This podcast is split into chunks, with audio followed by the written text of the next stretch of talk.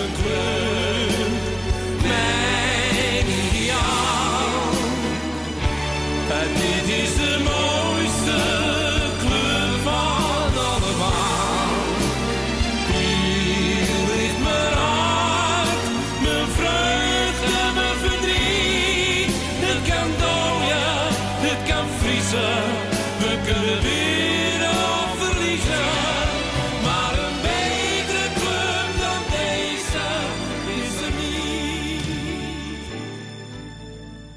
Yes, daar zijn we weer. Tof dat je luistert naar een nieuwe aflevering van Mokum FC, de wekelijkse podcast over de allermooiste club van allemaal.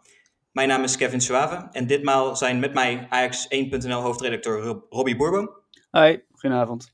sportjournalist Bas Scharwachter Ja, daar ben ik. Goedenavond. en student journalistiek Luc Kramer. Ja, ja, daar ben ik. Welkom heren, fijn dat jullie er weer zijn. Ja, daar zitten we gewoon weer. Ongelooflijk. Nou, en dat op In de de feeststemming, toch? Ja. Oh, Nou, dat sorry, zeker. Ik neem, ik neem de presentatie over. Ga door. Ja, inderdaad, hou, hou je in Bas. Ja, Voor de interlandbreek eh, was er best wel flink wat optimisme. Eh, uiteraard vanwege de plaatsing voor de Champions League, maar voornamelijk ook vanwege het ijzersterke spel dat werd getoond. Ehm, maar na zo'n onderbreking is het toch altijd een klein beetje afwachten hoe het allemaal ehm, gaat lopen en of de draad weer opgepakt kan worden. ja. Maar achteraf bleek er volgens mij eh, weinig reden tot bezorgdheid. Want tegen Groningen ging het eh, wel heel erg makkelijk, of niet, eh Robbie? Ja, dat was gewoon een hele stabiele overwinning. Eigenlijk is Groningen ja, niet echt gevaarlijk geweest. Eh, en ja, gewoon heel, heel steady gespeeld. Een aantal mooie aanvallen gezien. Eh, mooie goal van Huntelaar, een hele mooie goal van Tadic. En ja, perfect eigenlijk. Oh, die assist van Ziyech bij die 3-0 ook, hè? Ja, precies. Fantastisch. Oh, ik ook wel lekker af- hoor. Gewoon een, scha- een simpel schaartje. Dat is ook wel eens leuk. En die zie je niet meer. Maar ik vraag me wel af of die voorzet met buitenkantje voet, of die thuis echt heeft zien staan daar, hoor. Ik, ik, ik kon het zelf niet eens zien Ja. bij de herhaling eigenlijk. Volgens mij is dit echt zo'n typische trainingsgoal van... Als je vanuit die situatie komt, dan moet je hem gewoon bij de eerste paal geven. En of daar nou Huntelaar of Tadic stond, ik denk dat hij... Ja. Nou, hij zal hem wel gezien hebben. Want zo groot was die afstand niet. Nee, Maar je weet gewoon dat je zo'n bal blind op- op de eerste paal moet geven. Dus dat is ook wel lekker. ja, heerlijk. Dat hij er staat. En, en we hebben ook iemand in vorm, hè, geloof ik, daar in de spits. Dolberg. Ja. Ja, inderdaad. Hey, er, is, eh, er is een hoop kritiek geweest op eh Huntelaar, zowel vorig seizoen als eh, in aanloop naar het komende seizoen. Ja, en Hij is terecht. hij wel, Ja. wellicht terecht, maar hij staat er Ja. nu toch wel mooi. Hij heeft in de eerste vijf Eredivis- Eredivisie-duels heeft hij er zes in liggen. In totaal zelfs tien doelpunten in de eerste elf wedstrijden dit seizoen. Ja. Hij is in de vorm van zijn leven hier op zijn 35ste. Ja, hij is gewoon met, Ja. met doelpunten zo belangrijk eh, al geweest nu. En, en ja, ik denk dat hij er nog veel meer gaat maken dit seizoen. Maar ook, ook in het spel, ja, qua druk zetten, hij, hij oogt ontzettend fit. Hij blijft zelfs... Dat zei, dat zei hij zelf ook, hè? Ja, ja het zei, hij zei het zelf inderdaad ook, ja. Ja, maar Ja, wat heeft, wat heeft hij deze zomervakantie gedaan, waardoor hij nu opeens zo fit is? Want ik kan me toch voorstellen dat hij, ik kan me nog eh, voor me zien dat hij vorig seizoen was niet vooruit te branden. En nou eh, loopt hij als de kippen bij elke keer. Ik vind het toch, eh, die, heeft, Nou, ik heb- die heeft in zichzelf Ik heb het antwoord hoor. Nou, vertel. Oh, daar komt hij. Fit for free. Fit for free. Oh nee, ze is de sponsor van de ADO, toch? Oh, Ja. Of is het alweer weg inmiddels? Nou, weet ik niet. Maar in ieder geval... is het niet eh, voornamelijk vanwege de, spelers die hij nu eh, om zich heen heeft lopen ten opzichte van vorig seizoen? Ja, het wordt hem ook wel makkelijker gemaakt. Eh, De, ja, zeker vergeleken met het begin van vorig seizoen, wat gewoon heel stroef eh, verliep toen. Eh, ook dat hij veel samen met Dolberg eh, speelde. Nou, dat was ook geen, eh, geen uitvinding. Eh, en als je kijkt wat er nu allemaal om hem heen loopt, hoeveel eh ontzettende goede balletjes hij krijgt eh, in, in voorzetten, in eh, nou ja, nu zelfs een buitenkantje als een penalty die hij eh, nu mocht nemen. Dus ja, dat is perfect voor zo'n spits, denk ik. Ja, want volgens mij hebben we het daar vorige keer ook over gehad. Dat eh vorig seizoen moest hij het natuurlijk doen met, met Kluivert en Neres om zich heen. Toch twee Ja, is spelers die veelal voor eigen succes gaan misschien. Ja, dat is ook niet pure armoede natuurlijk. Maar voor mij is wel inderdaad uitgebreid besproken dat Neres en Kluivert allebei naar binnen gingen. En ja, daardoor is Huntelaar geen ruimte eh, ja, om zijn eigen acties te kunnen maken, om, om te kunnen koppelen, om die voorzetjes erin te werken. Ja. En die heeft hij nou natuurlijk met Thijs en Ziyech wel. Dat is, dat is gewoon een eh, gegeven. Ja, en het, is ook mooi om te zien. Hij, hij zei zelf ook, ehm, ik heb ergens een mooi citaatje van hem. Met zoveel voetballend vermogen om je heen is het heerlijk om in de spits te staan. Ja. En dat is het natuurlijk ook wel. Want het zijn allemaal spelers die ook wel in dienst durven en willen spelen eh, van de spits. Dus, Nou, ja, misschien is dat wel het grootste verschil. Ik vind eigenlijk met ehm Kluivert en Neres op de vleugels, natuurlijk gaan die naar binnen. Natuurlijk kiezen die ook zelf voor het schot. Maar het is nou ook niet zo dat zij. ehm, ja, ja, je hoeft ook daar geen klassieke voorzet van te verwachten. Maar je hoeft ook niet op die manier altijd te scoren. Maar ik denk inderdaad met een type als Taric en Ziyech, die willen ook echt die assist geven. En misschien is dat wel een beetje het verschil met Neres en Kluivert.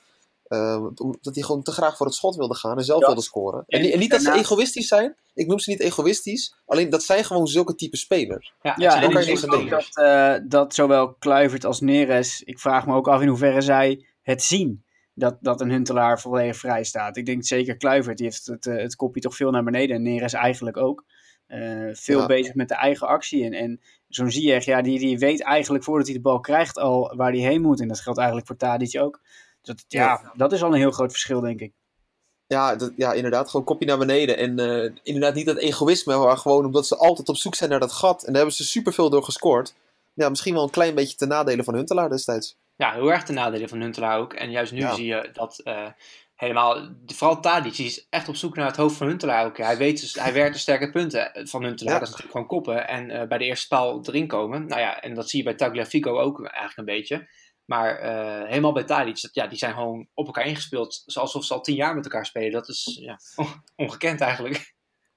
Ja, Maar was, ja, dat- was, de, was de kritiek dan wel terecht op, eh op Klaas-Jan vorig seizoen? Of is dat echt... Tuurlijk. Ja, Nou, ik, ik heb Ja. me zelfs nog ehm, tegen Sturmgras heb ik me nog flink lopen ergeren aan eh, Huntelaar. Zowel uit als thuis. Al heeft hij dat uit. scoorde, toch? Ja, maar na een minuut of 60, toch? Ja, dat is waar. Eh, Zou eigenlijk moet je even helpen? Ja, precies. Dat, eh, uiteindelijk wel. Maar weer die eerste 60 minuten heeft hij ook weer twee of drie kansen gemist. Die thuiswedstrijd tegen Sturmgras was helemaal schrijnend. En eigenlijk heeft hij nog altijd iets te veel van dat soort momentjes. Ja. Eh, en vorig jaar had hij ons eh, bijna zes punten meer kunnen opleveren. Ik meen dat hij in de laatste vijf minuten tegen ADO Den Haag bijvoorbeeld, we hebben het vaker gezegd. Ja. Ja, dat is, dat, toen ging je één op één met de doelman. Ik bedoel, als je die scoort, heb je drie puntjes meer. Of twee punten, geloof ik in dat geval. Hmm. Ja, dat, dat is gewoon een titelreddende fase waarin hij dan moet zitten. En ja, daar heeft hij te veel kansen voor gemist. En eh, het leek weer een beetje zo'n seizoen te gaan worden als je kijkt naar die eerste paar wedstrijden. Maar goed, eh, nu zegt niemand dat meer. Ja, maar die 1 op 1 wedstrijd, 1 op 1 eh, kansen, die mist hij ook nog steeds. Die zitten er nog steeds in. Ik kan me Ja. tegen Vitesse, volgens Vitesse, kan ik me herinneren dat je ook denkt, nou, Ja, schiet, ja, die jongen, ja. schiet hij er dan toch in, jongen? En dan, dat dat Stiffy, ja. precies. En dan scoort hij daarna wel weer twee. Maar hij gaat 1 op 1 met de keeper. En als spits zijn, dan moet je dan, ja, als je een, spits, als je een stiftje doet, doe het dan ook goed. Want je, als spits hoor je willen scoren en niet per se altijd mooi willen scoren. Nee, en helemaal niet in het geval van Huntelaar, denk ik. Want die zit niet echt in die positie. Nou ja, kijk, Nee. in zijn eerste periode bij Ajax heeft hij natuurlijk ook wel heel veel eh, stiftjes en, en omhaal, eh, omhaalgoals gemaakt. Dus, dus wat dat betreft kan hij dat wel. Maar ik denk Ja. vooral dat het grote verschil nu is dat hij, dat hij zoveel meer in stelling wordt gebracht. Waar vorig seizoen die 1 à 2, 3, 100% kans, dat, daar moest er dan in ieder geval eentje van in. En dat lukte niet altijd. Als je nu kijkt, ja, ik denk dat hij gemiddeld wel 5, 6 hele grote kansen in een wedstrijd krijgt. Nou, als je er daar 1 à 2 van maakt, eh, ja, Ja, dan lijkt je een hele grote jongen. dan Maar lijkt het veel beter. ja. Dus dat, dat speelt ook mee, denk ik. nou, sowieso. Ja, Maar omdat hij ook zoveel kansen krijgt dat hij daardoor eh, ervan kan profiteren. Want eigenlijk verwacht je nog, nog altijd veel meer van Huntelaar. Hij maakt heel veel doelpunten nu, hij doet het echt goed. Maar het, het- nou, ik wil niet zeggen dat hij... Nou, had er de helft bij kunnen hebben, denk ik. Ja, ik vraag me ook wel af, kijk, in, in hoeverre wij dat dan allemaal een beetje verheerlijkt hebben in ons hoofd. Eh, ik, ik weet niet hoe, of hij in zijn eerste periode bij Ajax eh, wel eh, vrijwel elke bal erin schoot. Hij, hij scoorde toen wel heel erg veel. Eh, Ja. Maar dat doet hij nu eigenlijk nog steeds wel. Als je nu na, na elf wedstrijden op tien doelpunten staat, nou ja, dan ben je geen koekenbakker volgens mij. Nee, dat, nee, dat zeker niet. Maar het, het is ook ter verdienste van het team natuurlijk. Want, en, en een heleboel penalty, en een penalty natuurlijk. En eh, die bal van af, die tweede die hij maakte afgelopen zaterdag was natuurlijk ook ja, een afvalbal, een gelukje. zijn allemaal geen, geen hoogstaande goals. Ja, maar hij, hij scoort Maar ook ik wel durf weer. dat geen gelukje te noemen hoor. Als je ziet hoe die Nee, raakt. nee, dat niet. Nee, nee, maar dat die bal er komt is natuurlijk wel een gelukje. Ja, Ja, je moet altijd op de goede plek staan, hè? Ja, Daar is Ja. Ruud van Nistelrooy groot mee geworden. Maar Robbie, geheel in lijn met het opportunisme van de voetbalwereld. Ehm, de Hunter staat nu op zes doelpunten, vijf Eredivisie-duels. Wordt hij topscorer dit seizoen? Nou ja, ik denk dat die kans heel erg aanwezig is. Maar ik denk dat, eh, dat eh, de topscorer komt sowieso van Ajax of PSV af dit seizoen. Als je kijkt hoe, eh, hoe gemakkelijk die de wedstrijden winnen, hoeveel doelpunten die eh, nu al maken. Ja, dan, eh, dan gaan daar heel, de topscorer gaat daar vandaan komen. En dan hoop ik natuurlijk dat het Huntelaar wordt. ja want als Huntelaar eh topscorer wordt, dan durf ik er wel mijn geld op te zetten. Denk ik ook dat we kampioen worden. dat zou heel goed kunnen, ja. Als je kijkt ook afgelopen weekend hoe makkelijk eh, PSV eh, ADO opzij zet. Nou, dat is ook niet niks hoor. Dat leek nergens op. Ja, ja, dat leek inderdaad nergens op van ADO zijn. Nou, Ja, PSV is nog lijkt het erop dat, eh, dat bij PSV wat meer spelers in staat zijn om het doel eh, of het net te vinden. Waar eh, de doelpunten bij Ajax nu vooralsnog voornamelijk van, eh van Klaas-Jan moeten komen. Ja, nou ja, weet je, bij ons loopt natuurlijk ook Ziyech, die is ook altijd wel goed voor 10, 15 goals. Eh, je hebt Tadic, nou die kan dat ook halen, Neres. Dus ik, ik denk dat daar nog wel zat spelers lopen die, eh, die makkelijk scoren. Denk ik. Ja. Het was in ieder geval een, een zeer gemakkelijke overwinning. Eh, het ging voor mijn gevoel een beetje te makkelijk. Ik had het idee dat, ehm, ja, dat er toch een, een bepaalde mate van gemakzucht ook in het team sloop.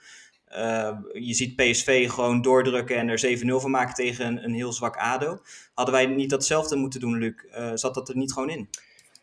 Ja, of het er wel of niet in zat, weet ik eigenlijk niet. Ik moet wel zeggen dat ze tot die 1-0, eh, eigenlijk, eigenlijk naar die 1-0 van Tagliafico, en daar hebben ze wel heel erg hard naar gepusht. Ze gingen ook echt voor die snelle openingstreffer. Die kwam er dan ook. Nou, je werd afgekeurd. Maar dan toch wel weer keihard doorpushen voor, om alsnog die 1-0 te maken. Ik moet ook zeggen dat dat ook niet is al wat we altijd gezien hebben. Want Ajax heeft ook vaak genoeg gehad als het een beetje niet, niet mee zat met de scheids. Dat ze een kopje een beetje lieten hangen. Maar ze gingen er wel voor, ja. En Groningen was ook gewoon niet in staat om meer te doen dan wat ze nu deden, denk ik. Dus ik denk dat ze het gewoon een beetje goed aangevoeld hebben. En in de tweede helft gingen ze weer aanzetten. En Ik vind het vooral heel volwassen Ja. eigenlijk. eh, Ja. En ondanks dat PSV doordrukt. Nou ja, ik heb daar een aantal van die doelpunten voorbij zien komen. Nou, dat, eh ja, niet dat wordt zo verdienste niet moeilijk gemaakt hoor. nee, dat is niet ter verdienste van PSV, zeker niet. En- Nee, en dat daar zo'n, eh, die Gut- Gutierrez kwam daarin. Nou, dat, ja, dat kon je wel zien dat hij er wel wat van kan. Ja. Maar die is natuurlijk ook heel erg gemotiveerd. Hè? En, en om, om zijn eerste wedstrijd te laten zien. Nou ja, hup, direct een assist en een goal. En, en dan, ja, dan zit het ook niet tegen, denk ik. En Maar ik meen dat en- Kenneth Perez dat zei na de wedstrijd. Dat op zich is dat wel natuurlijk een dingetje geworden. Want PSV deed het ook tegen Willem II. Stonden ze ook 3-4-0 voor. En toen bleven ze maar gaan om toch nog die 6-0 te maken. Of 6-1 werd het uiteindelijk. ja. Ehm, en dat is natuurlijk tegen ADO ook zo. Kijk, dat- die balletjes dan zo vallen en dat ze dan nog een penalty krijgen. Ja, dat, is, dat zal er allemaal wel. Maar je moet wel in die 16 komen om dat nog af te dwingen. En bij Ajax was het na 2-0 vonden ze het allemaal wel prima. En eh, dat is misschien wel een probleem. beetje nonchalant wordt het. En, Ja, precies. En dan gaan ze hakjes doen. Dat liet Kenneth Perez ook zien. Of, Frank de, of eh, Ronald de Boer. Ja. een beetje gallery play-achtige zaken. Dat is op zich wel mooi voor het publiek. Maar ehm, ja, ik, ik, weet- ik weet... Kijk, het kan natuurlijk ook bij 1-0 al zo zijn. Dat je ook een beetje nonchalant bent. Dan krijg je wel die deksel op je neus. Zoals Ja. tegen Heracles. Maar Ja, dat is toch ook eh, dat zakelijke wat weer bij PSV eh, komt kijken. En nu drukken ze dan echt door en, en, en maken ze de kansen echt af. Maar het, het zou me niet heel erg verbazen als aan het einde van het seizoen dat toch nog wel belangrijk gaat zijn. Als je kijkt hoe, hoe duidelijk Ajax en PSV er bovenuit steken, gaan ze dus Ja. niet veel punten laten liggen. Dan betekent het dat die wedstrijden onderling heel belangrijk gaan worden. En, maar ook het doelpunt eh, gemiddelde, denk ik. Ja, maar je gaat me niet vertellen dat met de Champions League eh, die eraan komt, helemaal ook voor PSV, een moeilijk schema. Die gaan niet dit, die, zeven, die zevende of achtste willen scoren aan het eind van in december, aan het eind van die Champions League rit. Die, die, die, die kunnen op een gegeven moment ook niet meer. Ik zie Ja, ze dat niet het hele seizoen meer doen eigenlijk. Nou, weet ik niet. Maar daarom is het toch extra schrijnend dat Ajax dat niet in zich heeft. Ja. Althans, voorlopig niet. Maar het is, het is ook wel weer een beetje des Ajax eigenlijk, vind je ook niet? Het is eigenlijk, ja, het is eigenlijk altijd zo dat Ajax niet echt wil doordrukken. Zeker de afgelopen, nou, laten we zeggen, vijf jaar. Ik denk Ja, dat ik dat Ajax eh, een veel bredere selectie heeft. Er zijn veel meer spelers die echt, nou ja, we noemen je, je noemt Van de Beek, nou, Dolberg straks. eh, dat zijn allemaal jongens die gewoon echt in de basis zouden kunnen staan. Zouden moeten staan misschien wel. Ehm, dus Ja, dat, dat kan heel belangrijk gaan worden, denk ik. Wat je misschien wel had kunnen doen als Ten Hag zijn, is dat je inderdaad in de 60ste minuut wat, wat wisselspelers in had gegooid. Juist die zich willen laten zien. En dat het daardoor, dat, ja, dat die dan nog even doordrukken en er misschien wel 4-5-0 van maken. Had hij kunnen doen misschien. Maar is Ja, wel maar- dat er eh, aanvallend bij Ajax niet veel eh, te wisselen is. nee, nu. Gelukkig komt Cherny eraan, maar eh, er zijn niet heel veel spelers die daar echt een meerwaarde gaan zijn die vanaf de bank moeten komen. Dat is wel echt een nadeel. ja, Nou ja, Robin, jij begon net over eh, Casper Dolberg. Ja. Ehm, die zou meespelen tegen Helmond Sport, weer zijn eerste minuut te maken.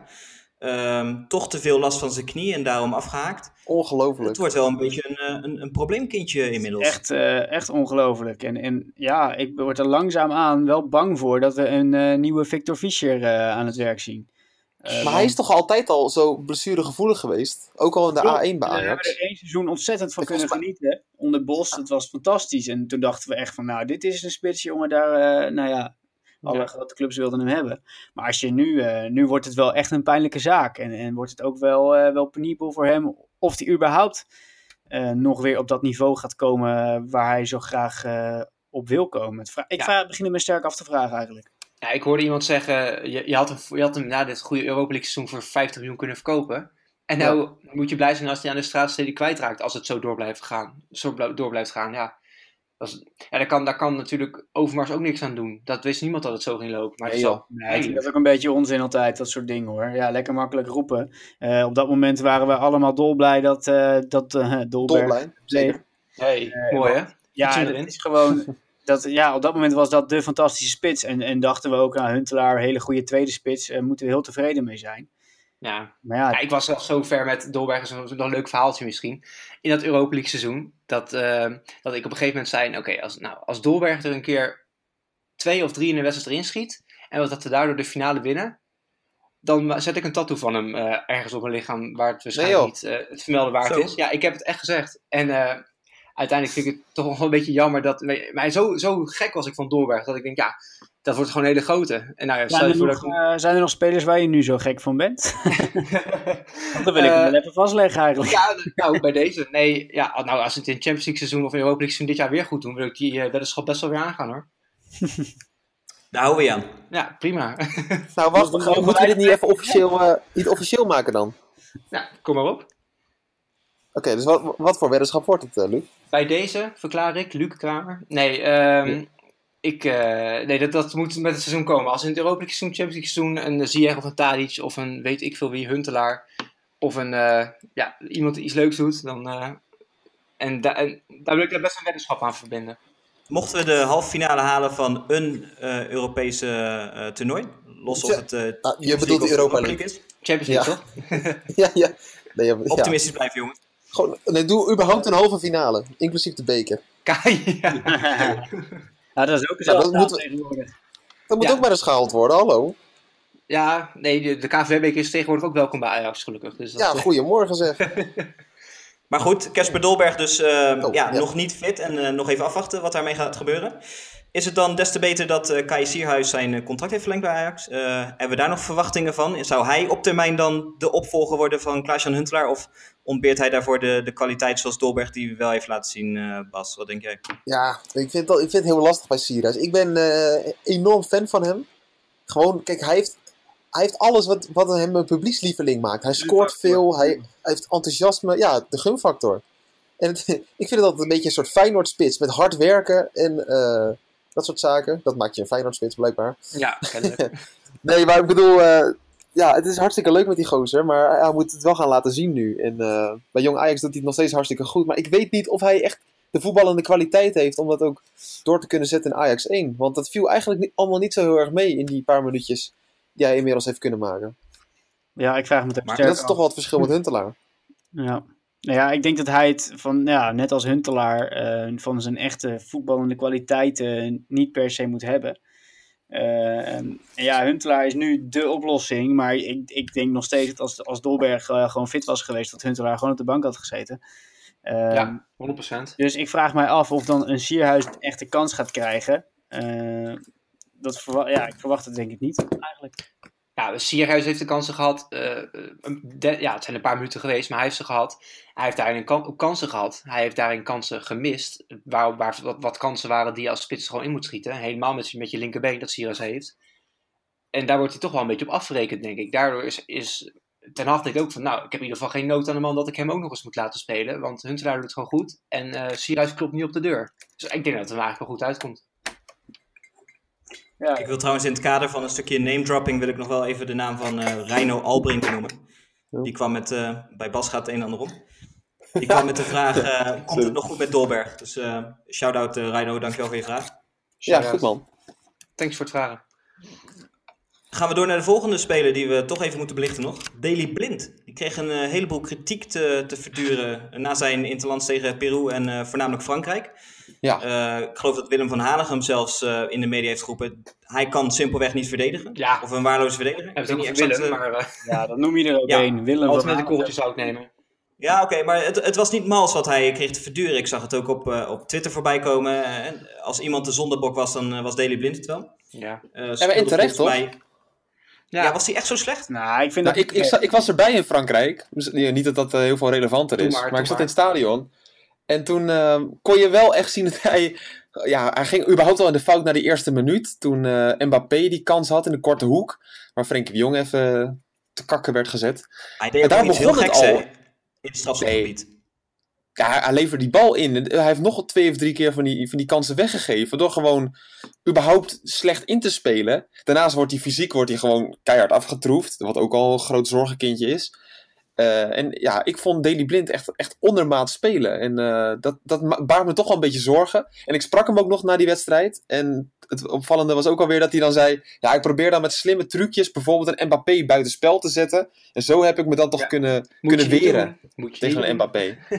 Ja, dat was weinig wel- van te zien. Ja, ik vind wel dat eh, de kritiek op hem eigenlijk wel buitensporig heftig is. Kijk, tuurlijk, Dat, ja, zeker Peru was die echt matig. Tegen Frankrijk vond ik het nog wel meevallen. Ik vind het ook niet zo heel erg gek dat je een moeilijke avond hebt tegen Mbappé.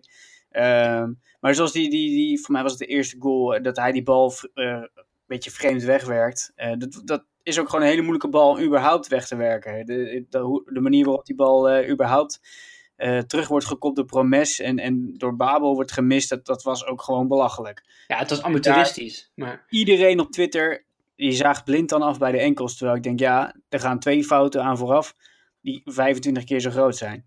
Eh, en ja, ik vind gewoon oprecht dat hij eh, wel kan verdedigen. Hij, tuurlijk, fysiek is hij matig. snelheid is, ja, dat lijkt niks. Ehm, maar als je kijkt, inderdaad met die slimme trucjes. Hij staat vaak wel heel slim opgesteld. En dat vind ik wel aan hem eh, toch wel heel erg goed. Ondanks dat hij, zeker tegen Peru, gewoon matig was. We hebben het hier natuurlijk ook wel over Mbappé natuurlijk. Want Mbappé heeft zowel op, op blind heeft zowel een fysieke voorsprong als een snelle voorsprong, als voetballend inzicht voorsprong. Hij is op dit moment misschien wel het grootste talent van de wereld. Dus het is ook helemaal niet gek dat hij als blind zijn daar niet eh, aan kan tippen. En dat moet je ook helemaal niet willen. En daarom is het ook dom dat hij inderdaad zegt dat hij hem wilde uitspelen met slimme maniertjes. Dat moet je gewoon niet doen en moet je ook niet proberen, denk ik. Ja, tenzij, kijk, als je het niet bij kan benen, want hij zegt dat hij te traag was. Dat is letterlijk wat hij tegen mij zei. Ja, nou, dan moet je het op een andere manier maar proberen.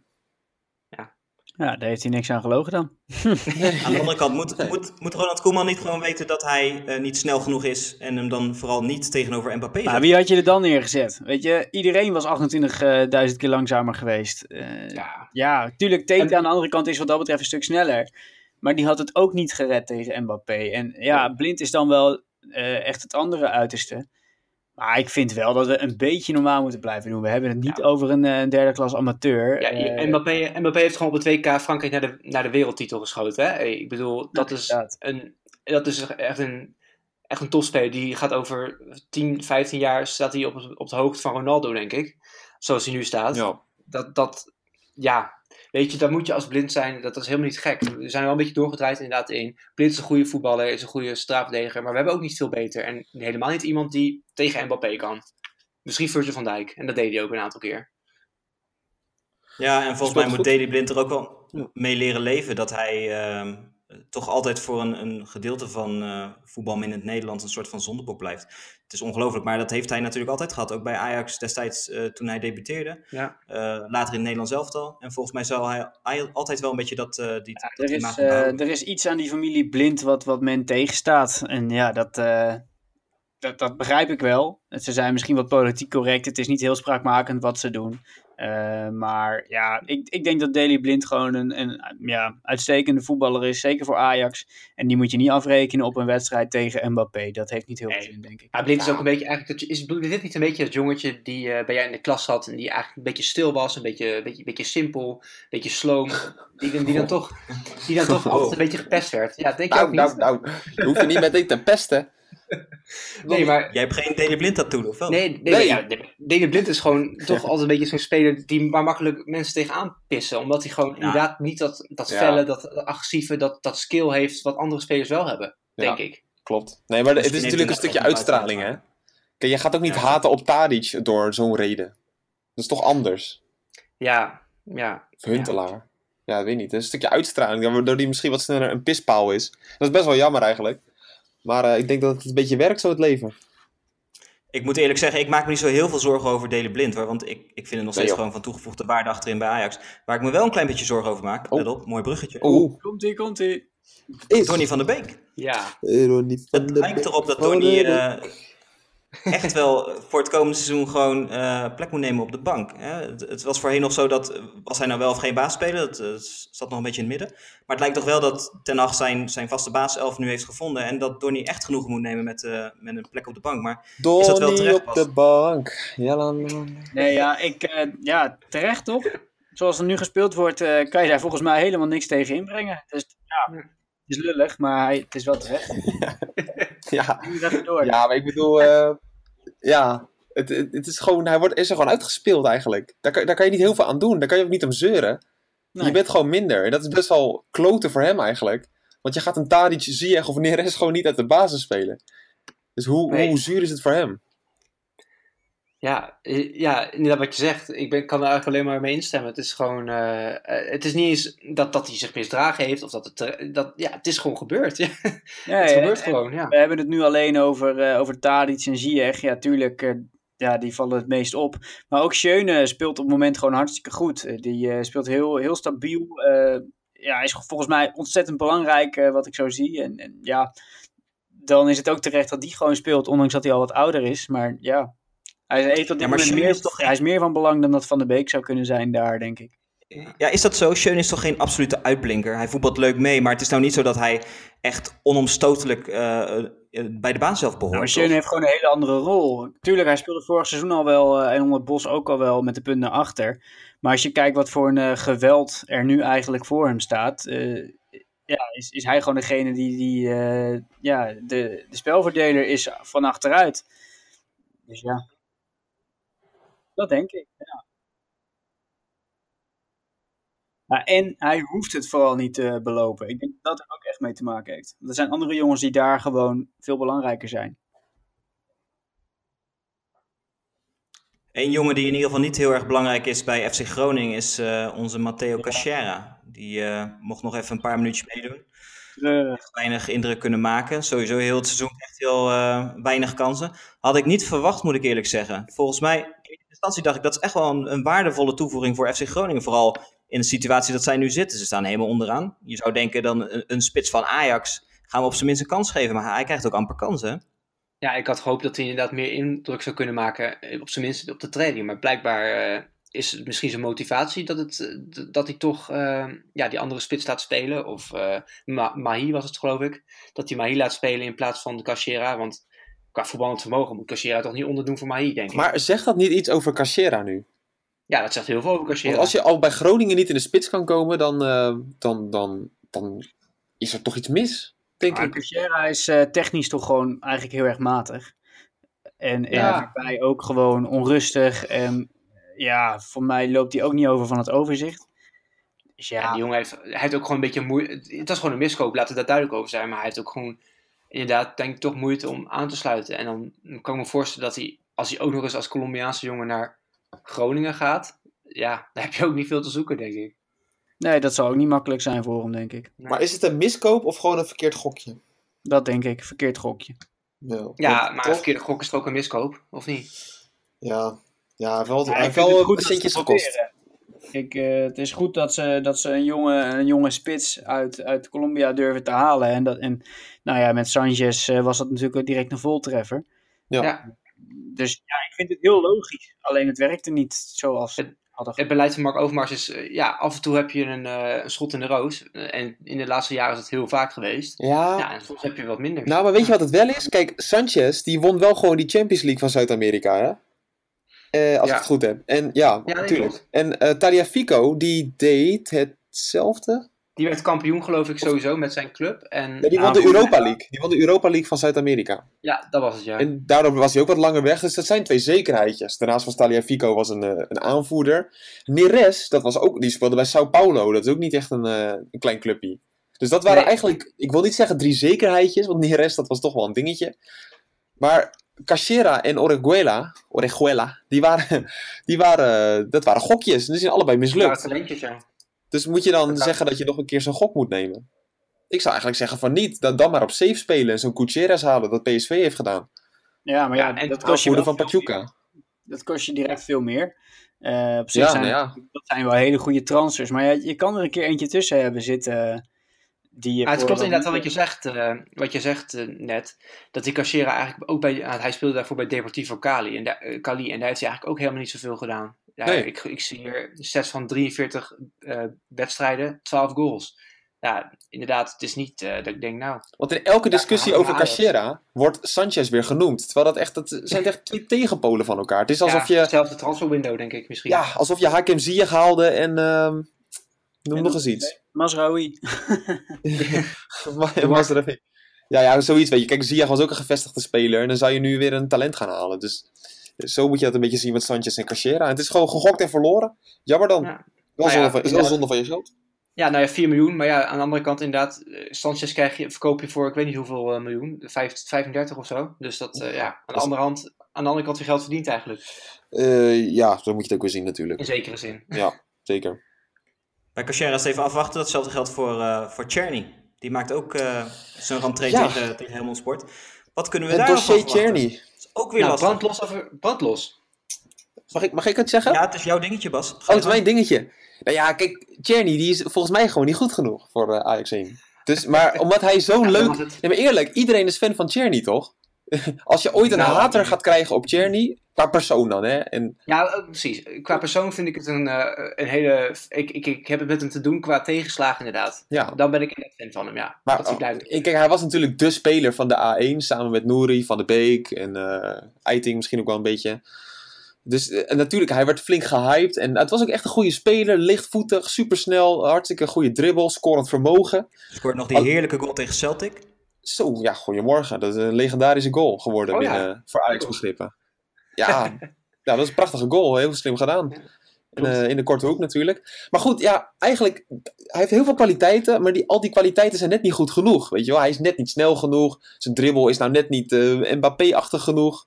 Ik zeg ook even, ik noem ook even iemand erbij. Weet je wel, dus, dus het is allemaal wel leuk, maar ik verwacht niet heel veel van hem. Dat wilde ik er eigenlijk mee zeggen. Nou, Dat was hem. Denk Fijne dat we- avond. laten we- Spijker op ja. kop en door. Hoppa! Nee, maar ik bedoel, eh, ik, ja, ik ben heel erg benieuwd naar hem. En misschien kan hij ons verrassen, maar eh, Nou, het Ja, is wel heel sneu, want hij gaat toch heel weinig spelen. hij kan natuurlijk met dezelfde problemen als nu een Dolberg, maar ook voorheen een Fischer en een Boylissen. Die blessuregevoeligheid en zo lang uit de running zijn, dat gaat je gewoon in je ontwikkeling opbreken. Ik bedoel, hij- Ja. hij zal nooit meer zijn potentie inlossen zoals hij dat had gedaan als hij gewoon fit was gebleven. En dat, dat Nou en nu komt hij terug. Nu komt hij terug en wie heeft hij voor zich gestaan? Tadic en Ziyech. Ja, nou, succes daarmee. Jo, best wel. Ja, nee, Ja, dat schiet kan gewoon net niet zo goed inderdaad ook naar Excelsior gaan of inderdaad naar een andere club. Wat je zegt, dat, dat, Zei ik dat? ja, daar wordt hem. Eh, weet ik niet. Nou, daar wordt hem in ieder geval niet meer. nee. nee joh, dat zou ik nooit zeggen. Dat hij naar Excelsior... Nee. eh, Nee, maar eh, ja, zo'n type is het wel een beetje, denk ik toch. Misschien een Groningen dat dat leuk voor hem zou zijn. En, Ja, naast Cachera, leuk, gezellig. Ja. Dat zal toch ook Ja. gewoon gebeuren dat hij nog een keer een jaar op huurbasis ergens eh, zich kan gaan bewijzen. En kijken wat eruit komt. Ja, dat zal, dat zal het wel worden volgend seizoen. Of in- misschien, nee, ik denk, ik denk zelfs in de winter wel. Hey, maar even iets heel anders. Iets misschien toch nog wel belangrijkers. Ehm, aanstaande woensdag staat er een wedstrijd op het programma. Ik heb er heel veel zin in. Ik weet niet hoe met jullie Ja. zit. ja, Liverpool hoor, toch? eh, nee. nee, Dat ja. is jammer dit was. Nee, ik, eh, ik, ik, ik ken jullie Kale en Kokkie, dat kent iedereen wel, toch? mhm. Ja. Dat is leuk, man. Dat is, dat is goud. En dan moet je, die, die noemden het een oefenwedstrijdje. Een oefenwedstrijd op woensdag. Dat, vind ik eigenlijk, dat vond ik eigenlijk heel, gauw, heel geestig. Ik snap de gedachtegang wel, ja. Ja, Kon, kon ik diezelfde gedachtegang maar eh, voeren? goed hè. Want het draait allemaal om PSV Ajax, toch? Ja, is dat zo? Ah, nee. Deze week? Nou, Nee, Natuurlijk man. niet. Kijk, je moet gewoon met een kickstart eh, oh. beginnen aan die eh, Champions League. En eh, je moet daar gewoon, eh, je moet eh AEK wat dat betreft gewoon in de eigen arena gewoon oprollen. Je moet daar gewoon 2-3-0 van winnen. Dan ben je denk ik heel goed begonnen. En eh, dan eh, laat je direct zien dat je, dat je niet te onderschatten bent. Maar dat gaat toch ook gewoon gebeuren? Nou ja, dat, dat hoop ik, maar je weet het Toch? nooit. Je, nou je- dit is wel het moment om gelijk inderdaad op die nummer 2 positie te staan. Misschien wel nummer 1. Ik bedoel, Bayern speelt uit tegen Benfica. Ik ben nog wel benieuwd hoe Benfica thuis is. Ik dus ook. hopelijk kunnen ze stunten. Nou ja, dit is wel de, het moment om gelijk eh, even... Ik denk niet dat het hopelijk is hoor. Laat Bayern maar gewoon lekker alles winnen. Eh, Ja, en de laatste wedstrijd dat ze inderdaad, eh, geplaatst zijn en dan een puntje pakken in de laatste wedstrijd. Dat is denk ik het belangrijkste. Bayern ga je toch niet, daar ga je niet voor Nee, eindigen. Dus sowieso laat niet, gewoon nee. alle punten maar pakken. Ik denk dat dat het belangrijkste is. Maar gaan we niet heel makkelijk voorbij aan AEK? Want ik heb heel even eh, mijn research een klein beetje gedaan. Oh, Zoals hey, goed lekker, houden we van. Ehm, vorig seizoen hebben ze in de Europa League meegedaan. Ongeslagen door de poolfase heen gekomen. Poolfase met onder andere AC Milan. Die kennen we wel. Hmm. Twee keer 0-0 tegen gespeeld. Ehm, daarnaast zijn ze dit seizoen begonnen met... eh, Oh, kut. oh, ze kunnen er toch wel wat van. ja, onderschat die jongens niet. dit seizoen begonnen ehm, met drie overwinningen in de Griekse competitie. Eh, de nul gehouden, drie maal. Zeven doelpunten voor. Ja. Laatste Maar dat wedstrijd... waren ook geen, hoog- dat waren geen hoogvliegers. Laatste wedstrijd 4-0 trouwens, maar- gewonnen. Ik heb van eh, uit betrouwbare bron vernomen, Luc, dat jij de wedstrijd gezien hebt zelfs van AEK tegen het eh, altijd gevaarlijke... Jezus, dan heb je ook niks te doen. Luc, je hebt een leven, jij man. Nee, ga Hey, lekker, eh, weet ik Hey, veel. later boys. Ik neem deze job, job wel serieus. Maar kan jij, kan jij iets van een, eh, een tipje van de sluier oplichten, Luc, over, eh, over de aanstaande opponent in de Champions League? Ja, nou, ik moet wel zeggen dat ik inderdaad de samenvatting heb gezien, dus dat is natuurlijk altijd een beetje samen, je zei dat je de wedstrijd had Ja, gekeken, dat is een man. beetje jammer. Ik heb gezegd dat ik de samenvatting Ja, heb gekeken. ja. Ik heb. Jongen, jongen. Maar Nee, daar, kan je hem ook even aan. daar kan je ook wat uit opmaken, want eh, nou, het, bleek, het bleek vooral dat eh Panionios er niet veel van kon. Eh, dat AEK een best leuke eh, as van het veld heeft. De nummer 10 is vrij goed. Hij geeft veel voorzetten. Die nummer 10 speelt trouwens aan de buitenkant voor, voor de verrassing. Is dat eh Eh, Ba- Bakasetas? Dat, Of, Ma- eh, of Mandalos? antwoord, dat antwoord moet ik je helaas. eh, Oh, dat zat niet in de nummer 10, samenvatting. niet zo moeilijk om Bas. Nee, dat is ik, ga, ik, ik pak hem er gelijk even bij. Nummer 10, hier, daar komt hij hoor. Ehm, ik, heb nog even, nummer 10. ik heb nog even Pieter Zwart erbij Nee, gepakt, maar... eh, Marco, Marco Livaya. Marco Livaya. Marco... eh Een Argentijn van Celta de Vigo. Marco Eh, nee, trouwens, een Kroaat. Dat zeg ik allemaal. Is hij niet, Dus is hij niet geschorst? Eh, weet ik niet. Oh. Ja, hij ja, Livaya ontbreekt. Hij ontbreekt in Amsterdam. Hij, nou, oké, dan Dus eh, heb ik niks gezegd. die is er niet bij. Mijn analyse heeft, ik kan al de prullenbak in. Maar in ieder geval, die nummer 10 was, eh, ja, wa- was goed. En hij had geen eh scorend vermogen. Hij miste veel kansen. Oh. Eh, voor de rest hebben ze best inderdaad ook een goede Grieken tussenlopen. Die, die, die, ik geloof die naam die jij net zei. Die scoorde twee keer. Was En die, die is er ook niet bij. Die ba Bakasekas. nou, jongens, Bakasetas. we hoeven even niet eens met Die is ook geschorst. Appeltje eitje dit. No worries. Ja, inderdaad. En voor de rest eh, ja, viel het vooral op inderdaad hoe, hoe zwak dat Panionios was. En eh, was het eigenlijk een beetje een walk in the park. Ja, Weet je, de- volgens mij moet je AEK niet dood analyseren. Je moet daar gewoon van winnen. Je moet daar met 2-3-0 van winnen. eh, en dan eh, ben je volgens mij goed begonnen. Eh, Maar mag ik, oh, Ja. mag ik wat zeggen over hoe wij tegenstanders proberen niet te onderschatten? maar Weet je nog wat voor onzinverhalen we over Stoomgras hebben geroepen? Over stand... Nou oké, Standaard Luik al, vond ik nog wel redelijk terecht. Kiev.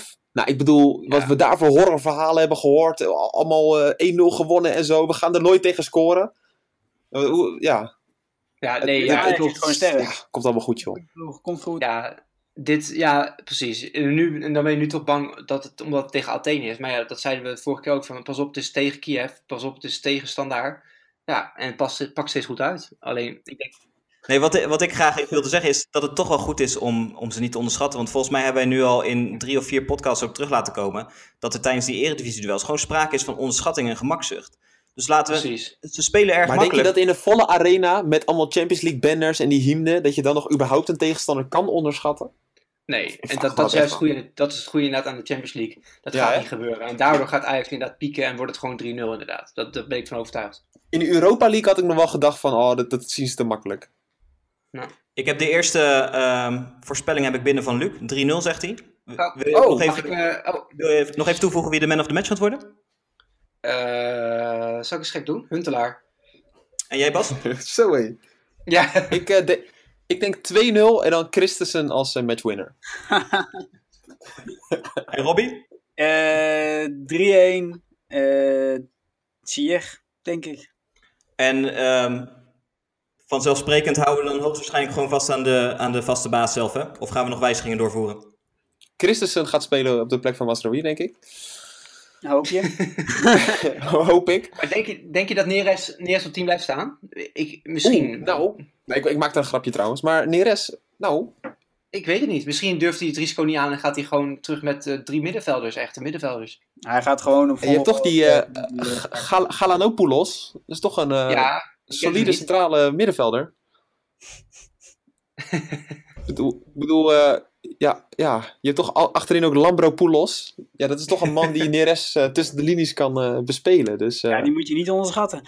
die moet je niet onderschatten. Dat is die houthakker. Ik Die andere naam die kan ik niet oplezen. Ik hoor toch een soort van cynisme bij jou. Ja, een beetje wel, ja. Ja, ik bedoel... ja, nee, nee, het maakt niet uit of je met Neres op 10 speelt of aan de zijkant, toch? Ik denk als je die bewegelijkheid voorin houdt...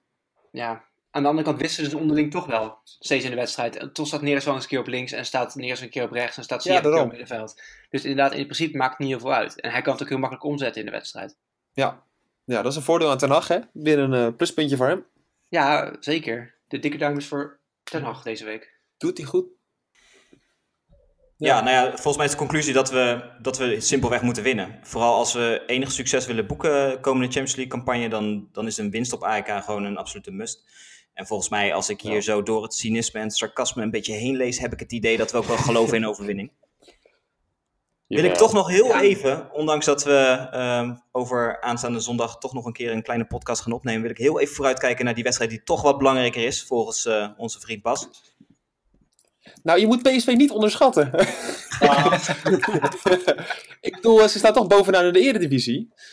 Ja, Nog geen punt, geen, eh, punt verspeeld.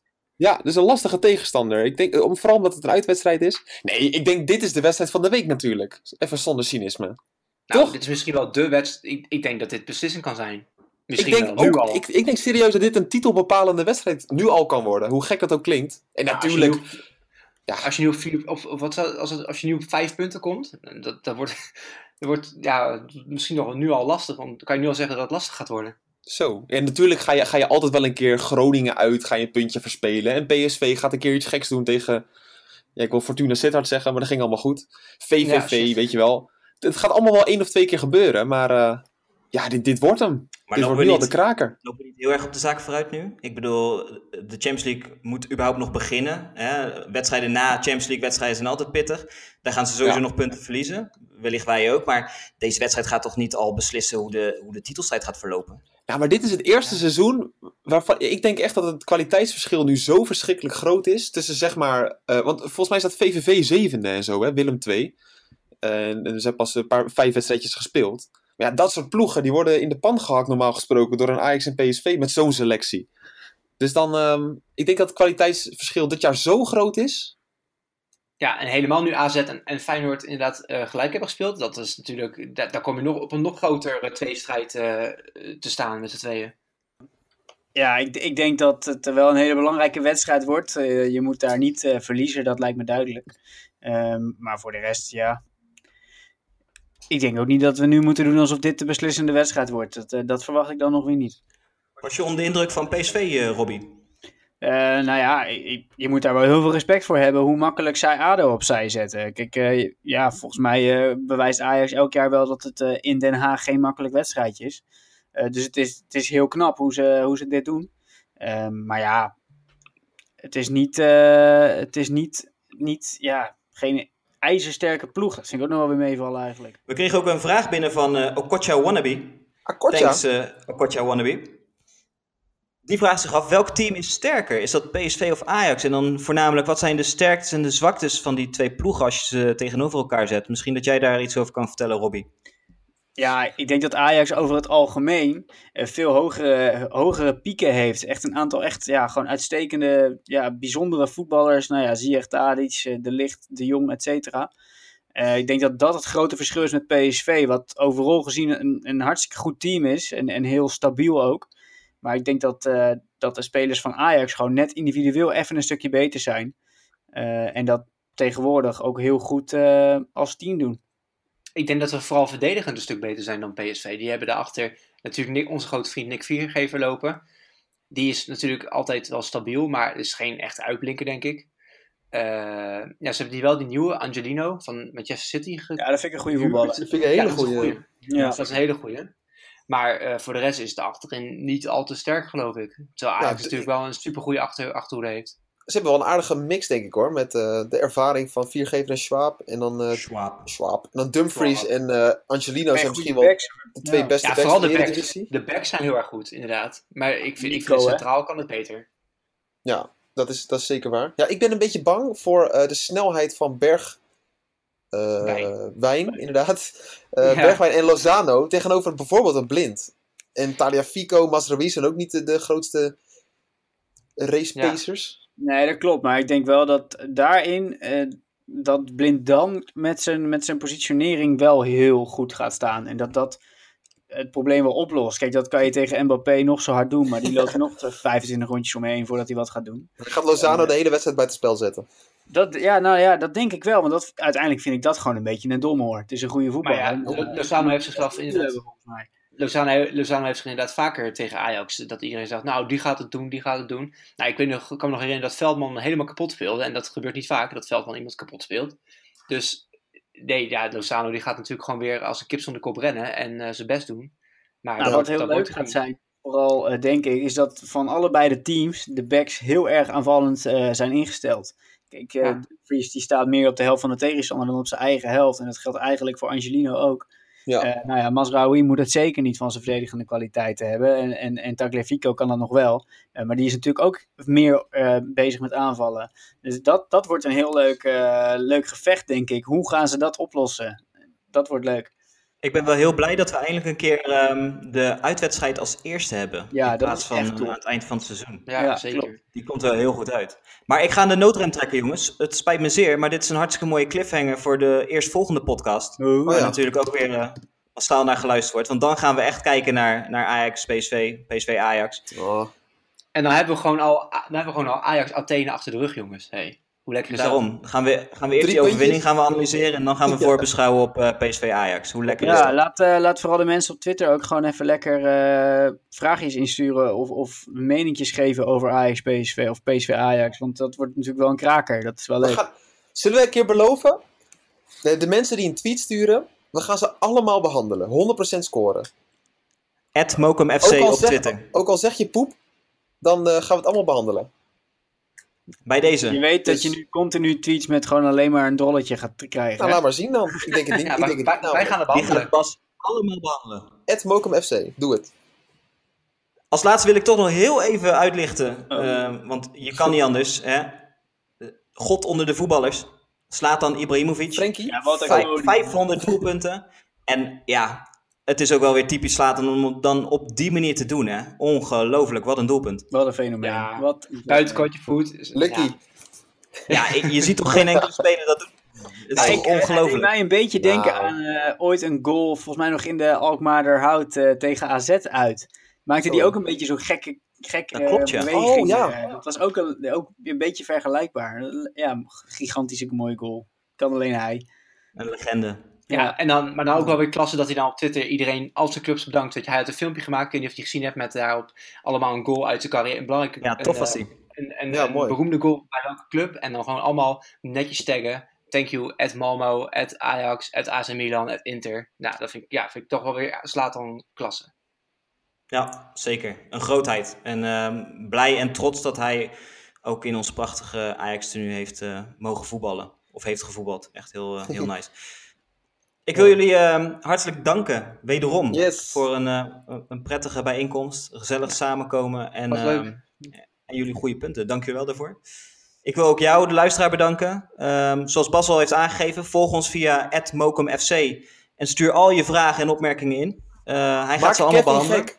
Maak Kevin gek. Doe het. Maak de hashtag trending, maak Kevin gek. Hashtag poep. We plannen een half uurtje in straks in de eerstvolgende podcast, waarin eh, Bas uitgebreid ingaat op alles wat binnenkomt via @mokumfc. Dus volg ons. Nogmaals, bedankt voor het luisteren. Heren bedankt en tot de volgende keer. Dus later.